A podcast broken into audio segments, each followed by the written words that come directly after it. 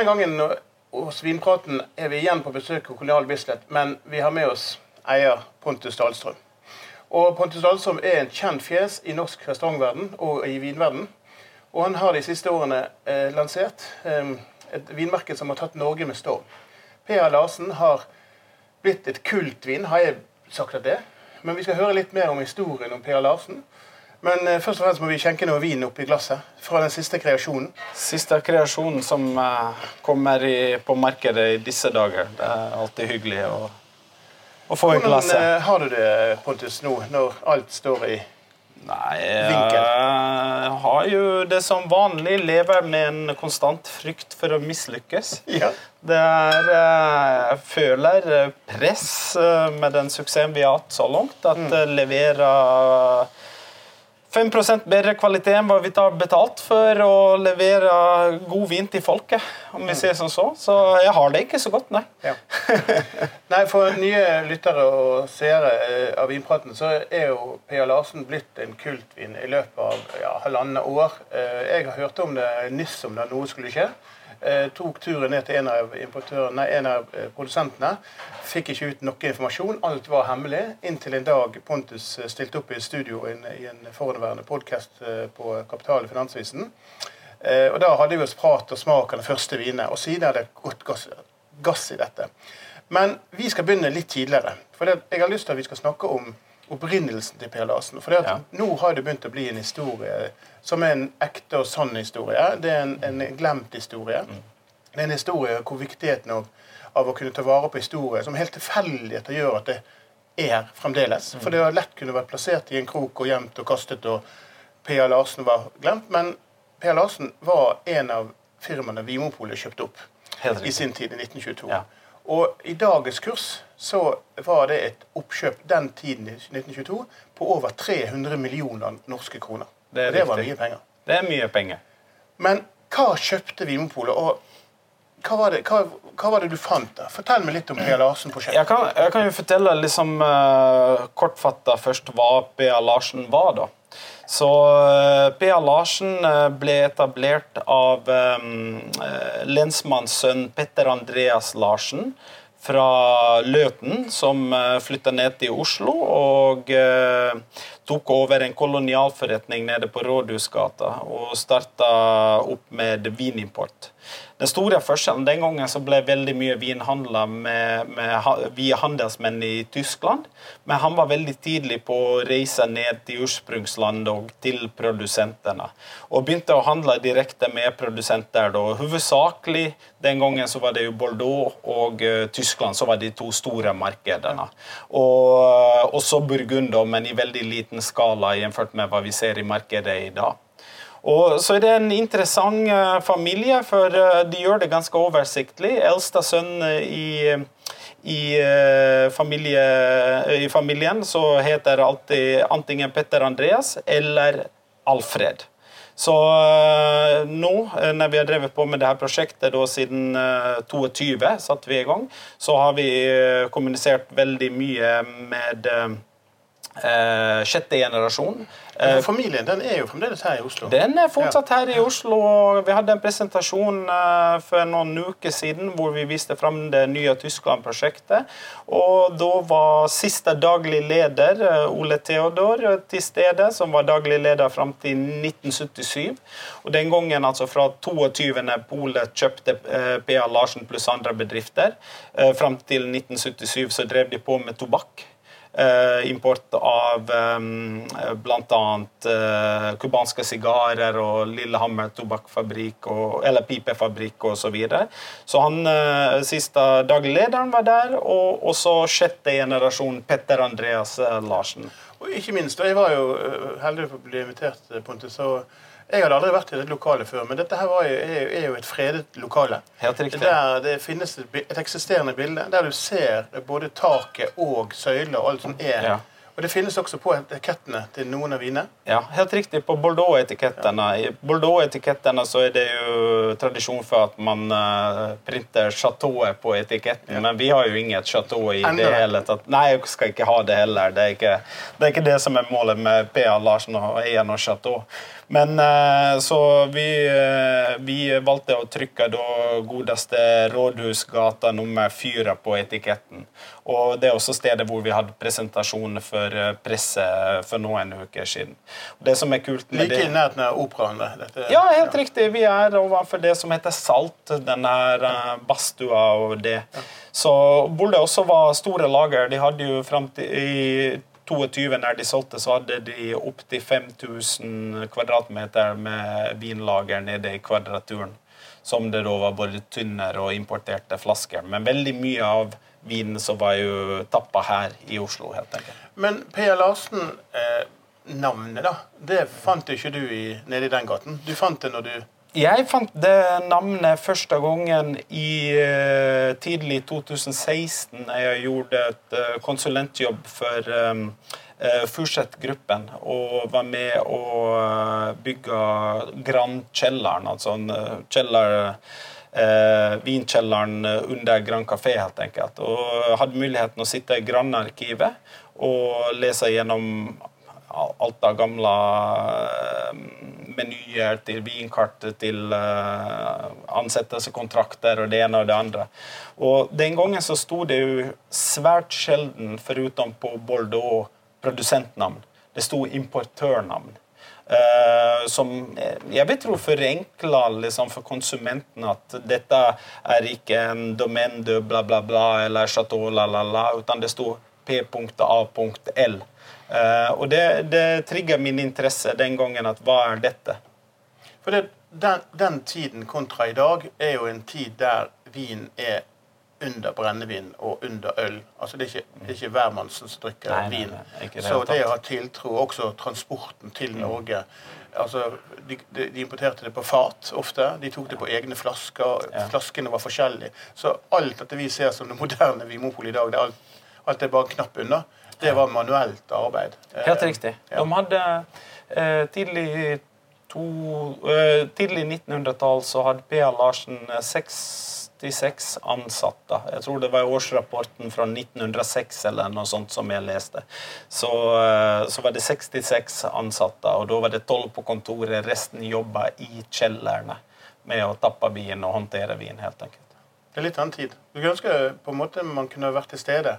Men hvis man bringer opp til eh, Når du fant dette her på Grand Hotell, inne på mm. dette lageret der du leste, og sånn, mm. så begynte du plutselig å lese, så, så, var jo det, så gikk det en stund modnet den ideen? Ja, altså egentlig historien er den at i den perioden så, hadde, eller så solgte jeg meg ut av uh, Maimo og fikk muligheten å kjøpe Kolonialen Bislett, hvor vi eh, sitter i dag. Og eh, vi åpna august 16 her, og det gikk ganske fort alt sammen. Men jeg var i en dialog med Thomas Patai den gangen, som jobba hos en tidligere arbeidsgiver, om å finne på noen ting. Men eh, det rant litt ut i sanda, og vi eh, Jeg skal ikke si at vi mista kontakten, men vi mista tråden på det prosjektet. Så gjorde jeg en eh, smaking for nyetablerte Rebel Group, etablert i 2019. Tid, sent 2021 eller 2022. Og eh, da tok eh, Geir Eikeland, som er partner i gruppen, eh, en telefonsamtale til meg og sier du, vi må finne på noe. ting. Så satte vi oss ned og, og prata sammen og uh, eh, snakka om tanker og ideer og hva, hva, hvordan vi så på mulige prosjekter. Og det gikk faktisk to-tre sånn, to, møter og så en kveld hjemme. Så bare klarte å knekke den koden med uh, P.A. Larsen, historiefortellinger um, Hele hva skal jeg si, uh, bedriftsideen som bare kom over, over natta.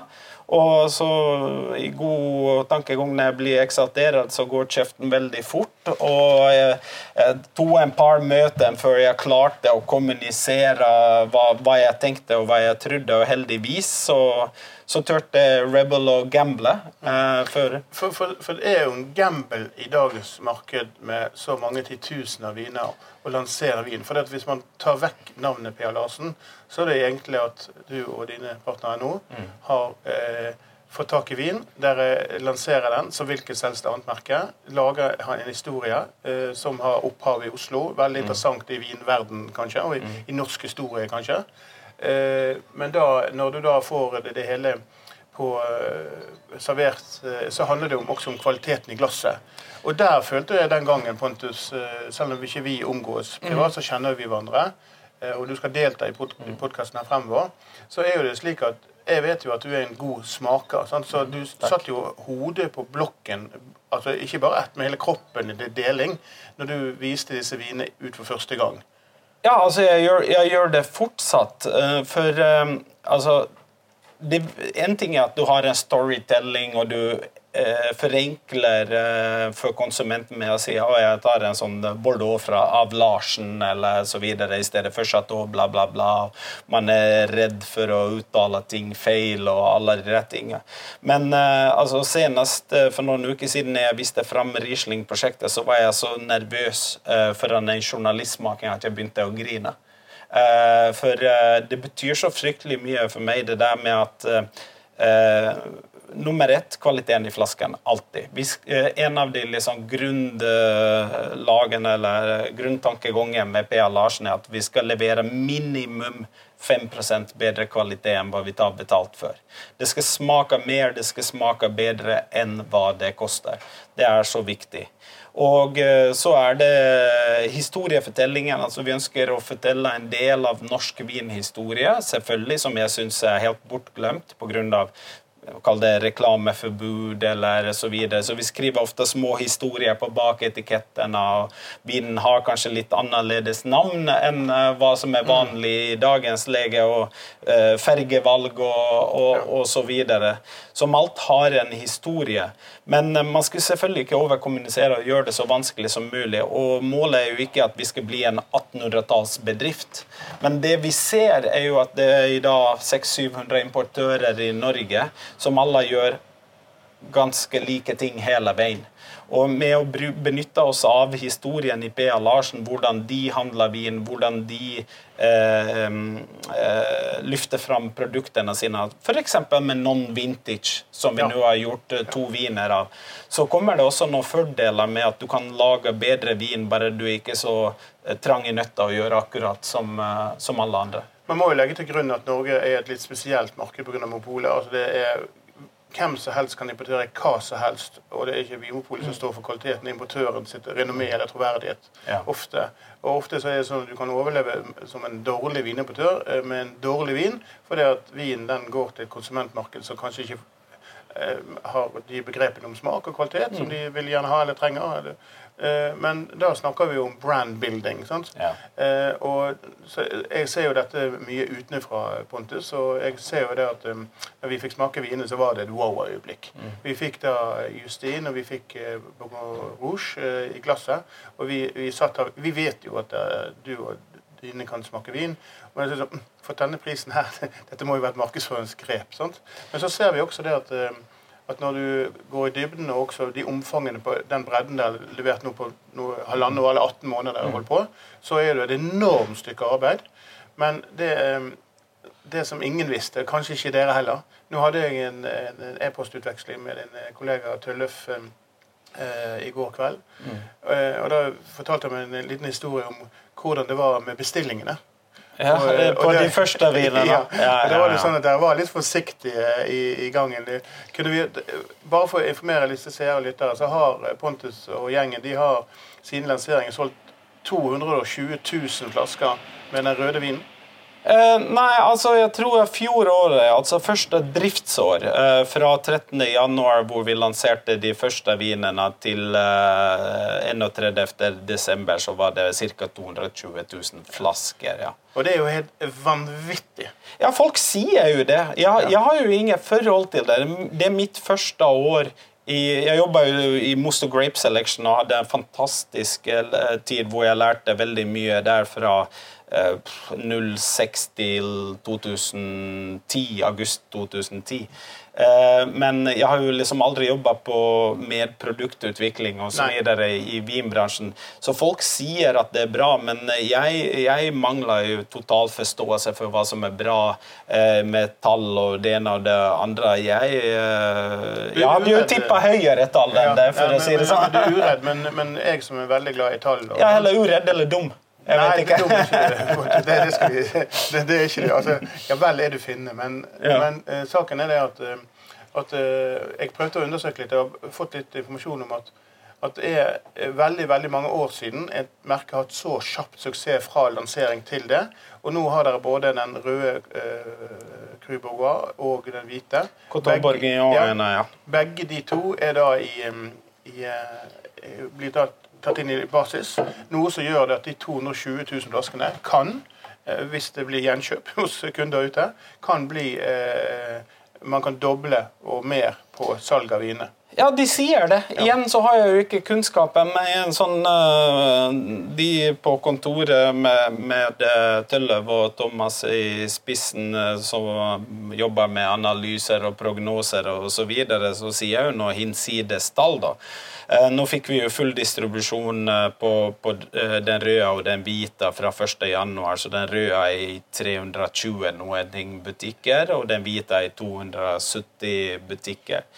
Og, men det kommer jo ikke av, eh, av bare at det er vi som står bak, eller at det er flott etikett, eller så videre. Det er eh, der eh, suksessen kommer inn, så er jo innholdet i Ja, det flaska. og, og, og nå skal vi hoppe litt opp akkurat i den, den grunnen. For jeg skal komme med innspill innspillet her. For det, hvis du treffer på hoppkanten med smak eh, til eh, toneangivende journalister i Norge, Mm. og vinskribenter og blogger og sånn forskjellig, så kan du få en enorm suksess. Og Det ser man fra gamle dager, eh, når det var mer print enn på nettet. At eh, den, den, den hoppkanten blir eh, smal, men hvis du treffer på den, så blir det gjentagende at alle liker vinen. Og her er det snakk om en todelt ting. Jeg likte jo den den gangen pga. det her var veldig godt priset, og det hvite var også fantastisk eh, godt. De ga et godt innblikk, under 200 kroner, midt i blinken. sant? Eh, Men eh, den store utfordringen til en, eh, en ny aktør på markedet i dag handler jo veldig mye om den logistikken bak Pia Larsen. Og For å fortelle litt om det, når du snakker om hvordan var den første tiden da etter kritikkene kom? og Der gikk jo tom for vin på Altså De tre første månedene så hang vi jo etter. Altså Vin kom inn på lager, og vi var tomme på noen timer eller noen dager. Og, og det, det, det gikk over stokk og stein, for ingen kunne jo tro at vi skulle få den suksessen som, som vi fikk. da. I hvert fall ikke de som har jobba i bransjen i, i 20, snart 30 år siden uh, importmonopolet ble oppheva. Så jeg, jeg husker ikke tall sånn, men jeg vet at vi begynte på ca. 3000 flasker av uh, Coteau Bourguignon på første eh, slippet i januar, og det ble utsolgt på timer. Men så er det jo ikke bare liksom å skippe nye flasker, det må printes etiketter, det må tappes på flasker, det må fraktes og sånt, så det gikk jo sikkert en måned eller tre-fire uker før vi fikk neste leveranse på var det 5000 flasker, og det tok timer. Og så fikk vi 10 000 eller 12 000 flasker nå tre-fire uker etter det, og det tok eh, et par dager, så var det tomt. Så det var jo egentlig først sånn april som vi kom i rute med den røde. Og da hadde vi jo allerede planlagt den hvite som ble lansert i mai, og eh, tenkte at nå skal vi dra til litt grann eh, og ha på laget, men eh, den solgte jo også tomt med en gang, og jeg tror at eh, mai-juni totalt så solgte vi en 40 000 flasker av den. Selvfølgelig godt timet av fantastisk sommervær og, og alle de der tinga, men den, den traff noe ting veldig, veldig spesielt, og som var en tankegang bak at eh, blende forskjellige årganger for å vise mer modnad, mer rikhet av eh, en chardonnay- og aligoté-blanding. For det vi ser er jo fortsatt i denne da, og nå er som er min styrke, at jeg jobber med slutkonsumenten hver bide da på gulvet på restauranten. Ja, her på Kolonial. Ja, ikke sant? Og jeg bruker uh, all den informasjonen jeg får ut av gjesten til å lage kolonialen bedre, men jeg får my mye kunnskap av hva gjesten liker å drikke, og hva de syns om forskjellige viner også av de som jeg kan bruke i P.A. Larsen. For du er jo i utgangspunktet en sånn syrefrik. Du elsker syre. Jeg er veldig glad i syre ja. sjøl, og det mener jeg skal være ryggraden i alle vinene. Og ha en liksom nerve og så videre. Men samtidig, den kommentaren jeg hører aller mest på burgundviner, er at jeg vil ha en sånn feit, rik uh, chardonnay. Ja, Det er som burgunderdrikkere. Sånn, burgunderdrikkere. Ja. Og det får du jo ikke på en 2022 eller en 2023 Ung Coteau Bourguignon, utan du må ha noe modnere, rikere materiale i. Og derav tankegangen rundt noen vintage. Her Forrige, forrige uken så var jeg på besøk og spiste middag med noen venner og kollegaer. Eh, Pontus, og Da ja. fikk vi en tur ned i, i kjelleren her. i ja. nybygget vinkjeller. Det, det er litt av en kjeller det var bygget her. Ja, det begynner å bli. Ja. altså vi har jo det, vært... det er trangt så få. Altså, ja, ja. Og det er jo ikke Vi har jo vokst ut av nye kjelleren allerede, så vi har en tilleggskjeller også, som er den gamle. Så egentlig eh, alle penger vi har tjent, foruten til utbygginga her nå det siste året, ja, ett og et halvt året, så har gått i vinkjelleren. Og, og det er eh, vel 70 burgund i volum, kanskje, og en 12 000 flasker begynner vi å nærme oss. Ja. Men er det, da, er det, da, du forstår hva 220 000 flasker er, når du ser hvor mye flasker som er her nede, og så ser du volumet der? Nei, det, det, har jeg, det, har jeg ikke, tenkt på før Nei. du sier det nå, liksom. Jeg, jeg tenker jo hvor sånn, mange kjellere? Ja, jeg tenker jo sånn så at i fjor solgte Vinmonopolet 90 95 millioner liter vin eller mm. noe sånt. Og vi har jo kun 0,2 eh, av markedet, eller noe ja. i den stil. Så, så, så, jeg tenker jo liksom at å, alle bare klapper på skuldra og sånn spør oss hva, hva gjør dere for en fantastisk suksess. Ikke noe suksess når du har tatt 0,2% av markedet. Det, det, er en sped begynnelse, tenker jeg. Nei, men eh, tilbake til det P.A. Larsen-konseptet. der, for det, eh, Slik jeg har forstått det, så Eh, begynte du å jobbe med ideen over noen år, du visste om det. Det, det, det stoppet litt opp, og så begynte det i gang igjen. Så var pandemien inne og, og dro det litt mer i gang. Og så satte det liksom i gang. liksom. Ja. Men også da tok du ringte til eh, sjette generasjon eh, familie i dag og tok kontakt og fikk plutselig et arkiv fra dem. Ja, altså, vi, vi, følte jo at skal man gjøre sånne ting, så, så, kan man ikke bare drive kynisk business. utan Vi var i første hand eh, med Tølløv, som da er partneren min, som driver i det daglige. og, og Han jobber mye tall og logistikk og jævlig god smaker. Eh, så vi diskuterte fram og tilbake, og så var det at ja, vi må jo ta kontakt med familien. Liksom. Vi skal jo fortelle deres familiehistorie. Og den første vi kom i kontakt med, da, så er ikke direkte nedstigende, men Ole Theodor Mortensen, som var siste daglig lederen. Og han viste seg å være Eh, slektsforsker, så han eh, delte først et dokument på over 100 sider om P.A. Larsen-familien, alt han har funnet fram gjennom mange herrens år. Og vi begynte å lese det, og så etter hvert eh, noen måneder senere så kom vi i kontakt med Petter Andreas, som er sjette generasjon og bor i byen her. Uh, og vi, vi, var jo i første hand ute etter en sånn napoletansk mafia-blessing. Liksom, at ja, dere får lov til dette. For det, det, er jo liksom Når du bærer noen annens navn og skal mm. forvalte det, så er det liksom viktig å fortelle hvem du er, hvor du kommer fra, og hva du vil. da. Og så er det jo for meg litt uh, vanskelig å strukturere opp sånt, for jeg setter i gang kjeften, og så kverner jeg på. Uh, men der kommer Tøllevin, som er en sindig, rolig, fin, strukturert fyr. Og, og, har, fra Trondheim? Fra Trondheim. Og jeg begynner å bli ganske bra på trøndersk ja. det siste året. Jeg jobber tett med to trøndere, eller tre trøndere. For, for Mikael Minnevini, som er min partner her i Kolonialen, er jo erketrønder også.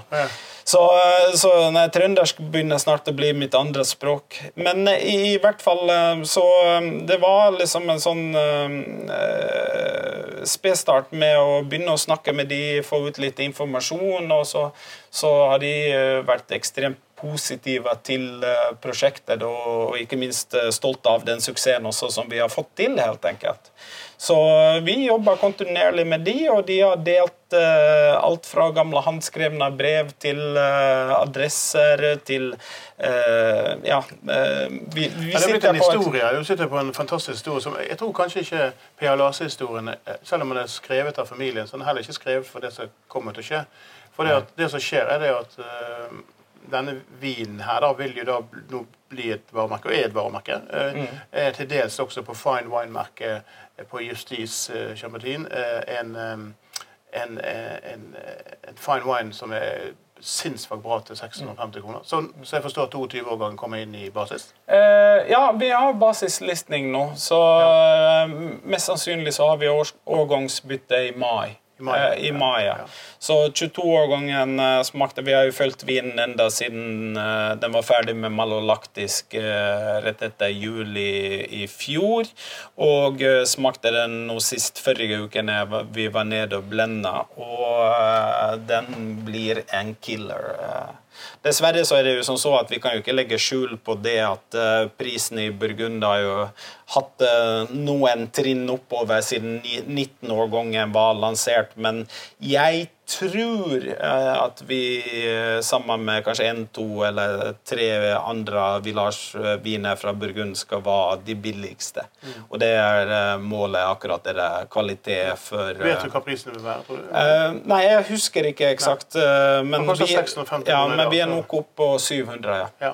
Men det er så, ikke stor pris? Nei, men uh, det er uh, Og det, uh, alkoholskatten har økt en del siden ja. 19-årgangen og, og så videre. Og det, det, handler om at Bea Larsen skal ikke bare bli et Nå ligger vi jo det høy, høyere entry level-segmentet når vi ligger over 200 kroner. Ja. Men uh, vi skal tørre å leke oss i forskjellige prissegment, og ikke bare liksom ja, hva er tanken rundt neste volumprodukt osv. Mm. Utan det, det, må være et morsomt prosjekt. Vi var i Bordeaux for en måned siden eller to for å se på mulighetene på å lage en motsvarende 210-220 kroners kvalitet på hvit Bordeaux.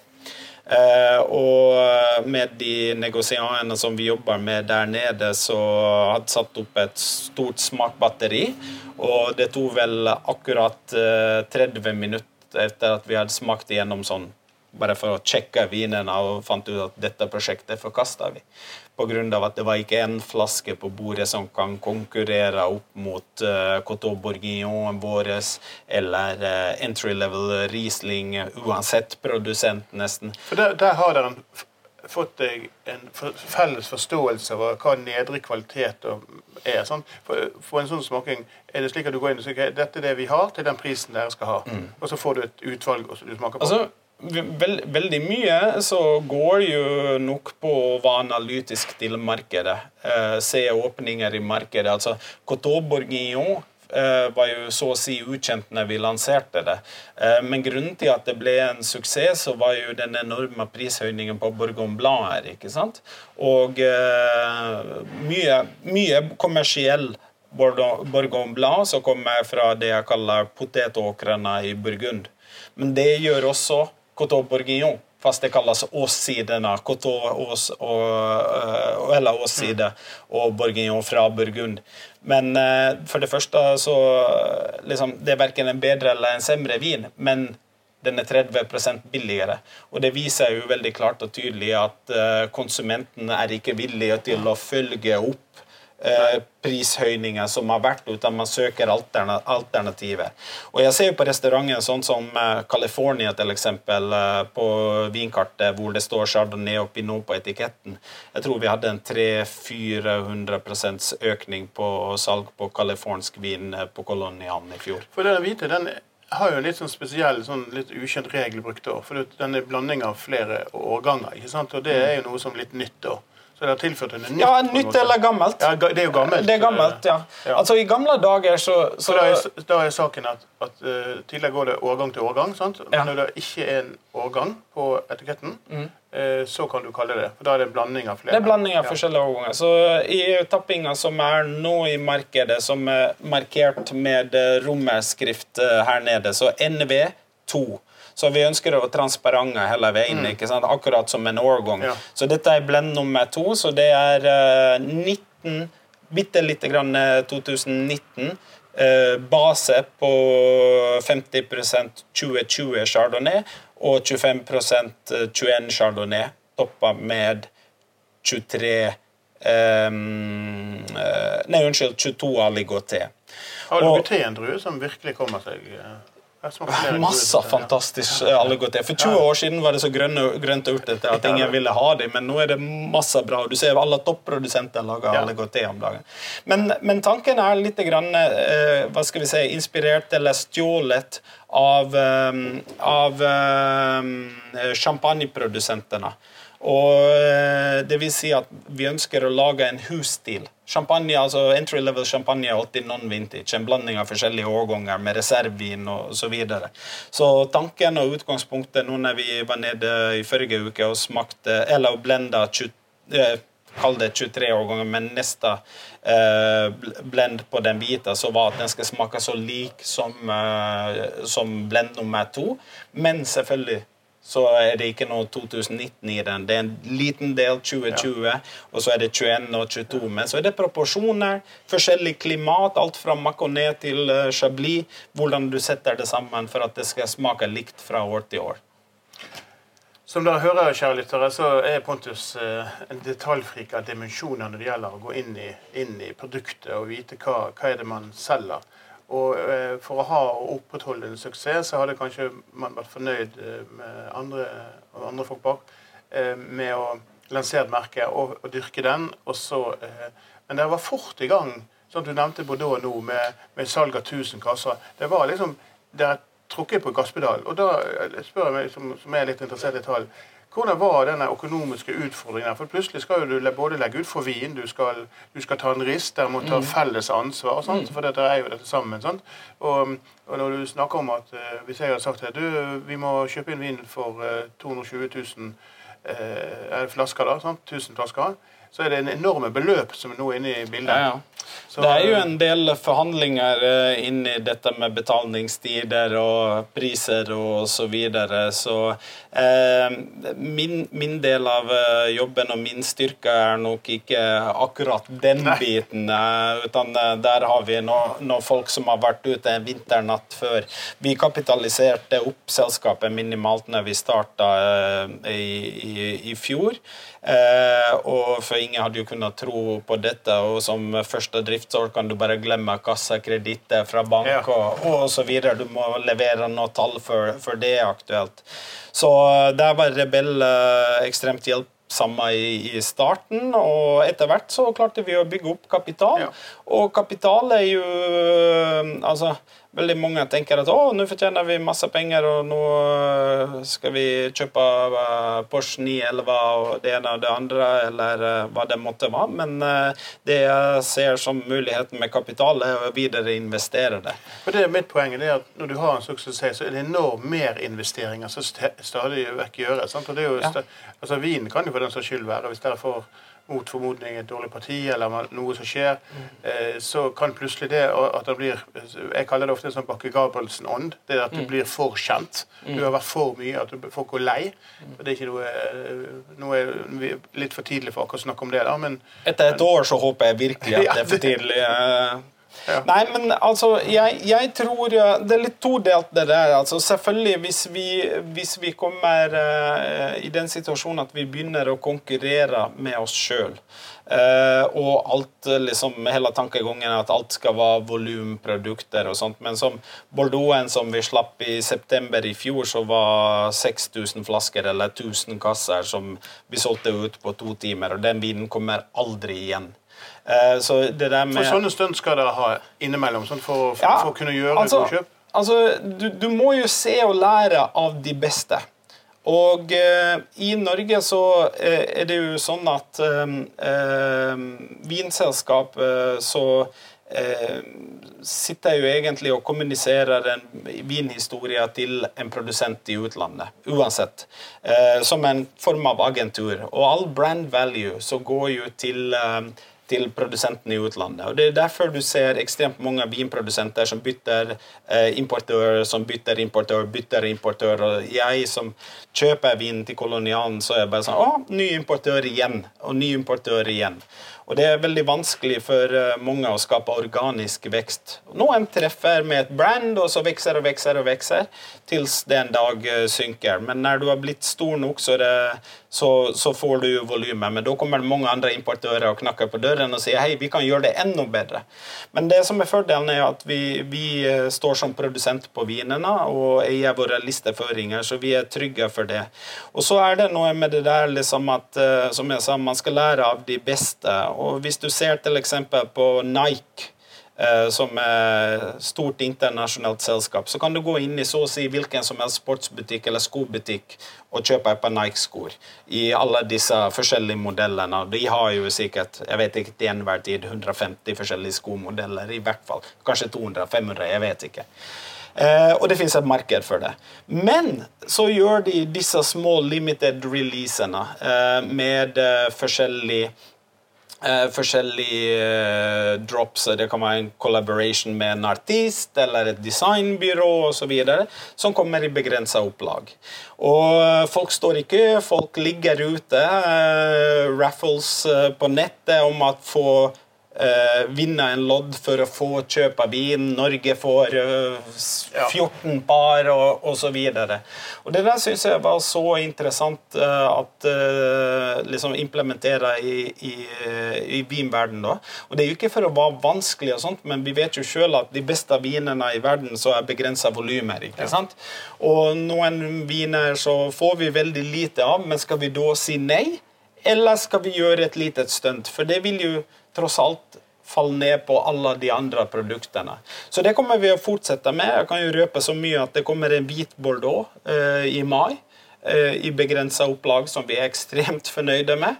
Eh, og vi har også funnet et, eh, jeg kaller det et lite mesterverk eh, fra Bordeaux som kommer i september. Og som følger kriteriene. Ja, for dette være litt, for, for, jeg forstår det, Pontus, så så om Pia Larsen hadde solgt 5000 flasker i året, og du var fornøyd med det, så hadde du også vært happy, du. Altså, stort sett. Ja, i stort sett, men min natur så ligger jo i at uh, ikke være fornøyd med noen ting. Jeg mener jo at alt kan gjøres bedre og mer profesjonelt, og kvaliteten kan være bedre, prisen kan være bedre. alt går an å få bedre. Og uh, Min sånn tankegang er at hvis, uh, hvis du blir fornøyd, så blir du bekvem. Hvis du blir bekvem, så blir du lat, og når du blir lat, så kommer noen annen og tar din posisjon. Og jeg håper jo at folk flest rundt oss i vinbransjen er fornøyde og bekvemme og late, så at vi kan ta posisjon. For, så det er forretningsidé servert på et fat her. Ja, nei, men eh, det, det, er liksom en sånn drive da, som jeg har hatt. Det er 29 år siden jeg åpna første selskapet mitt i, i år, og uh, liksom Jeg Folk sier rundt at ja, men ta det rolig, vær fornøyd, er du ikke stolt? Og så er jeg faen ikke fornøyd, og jeg er ikke stolt. Uh, jeg, jeg, har noen, et gen som gjør at jeg ikke kan sitte stille, eller en diagnose. Og jeg syns det er så morsomt å drive på med disse prosjektene, Kolonialen og, og, og P.L. Larsen. Så jeg kommer ikke å stoppe. Men den dagen det ikke er gøy mer, Altså Som jeg ikke ja. syns at Pia Larsen er morsomt, da er jeg ferdig. Ja. Da gidder jeg ikke mer. Så det, det, er liksom det som driver med at det skal være moro, det skal være gøy. Og bare selge eh, volum og ikke holde på med de her spesialtingene rundt om, så syns jeg jo, det er motiverende per dagsdato, men i lengden så kanskje det kan bli litt sterilt og, og kjedelig. Så jeg må ha sånne små sideprosjekt à la Lib Framil som kommer nå. Og du sa nøkkelordet, for det at uh, Make Liebeformish great again.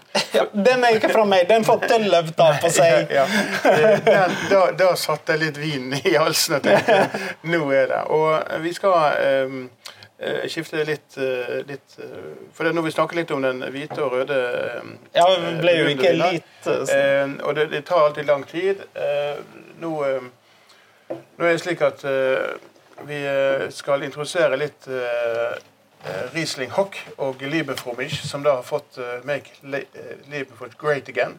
Eh, og den eh, skal vi snakke mer om eh, litt inngående i eh, neste episode av eh, Vinpraten.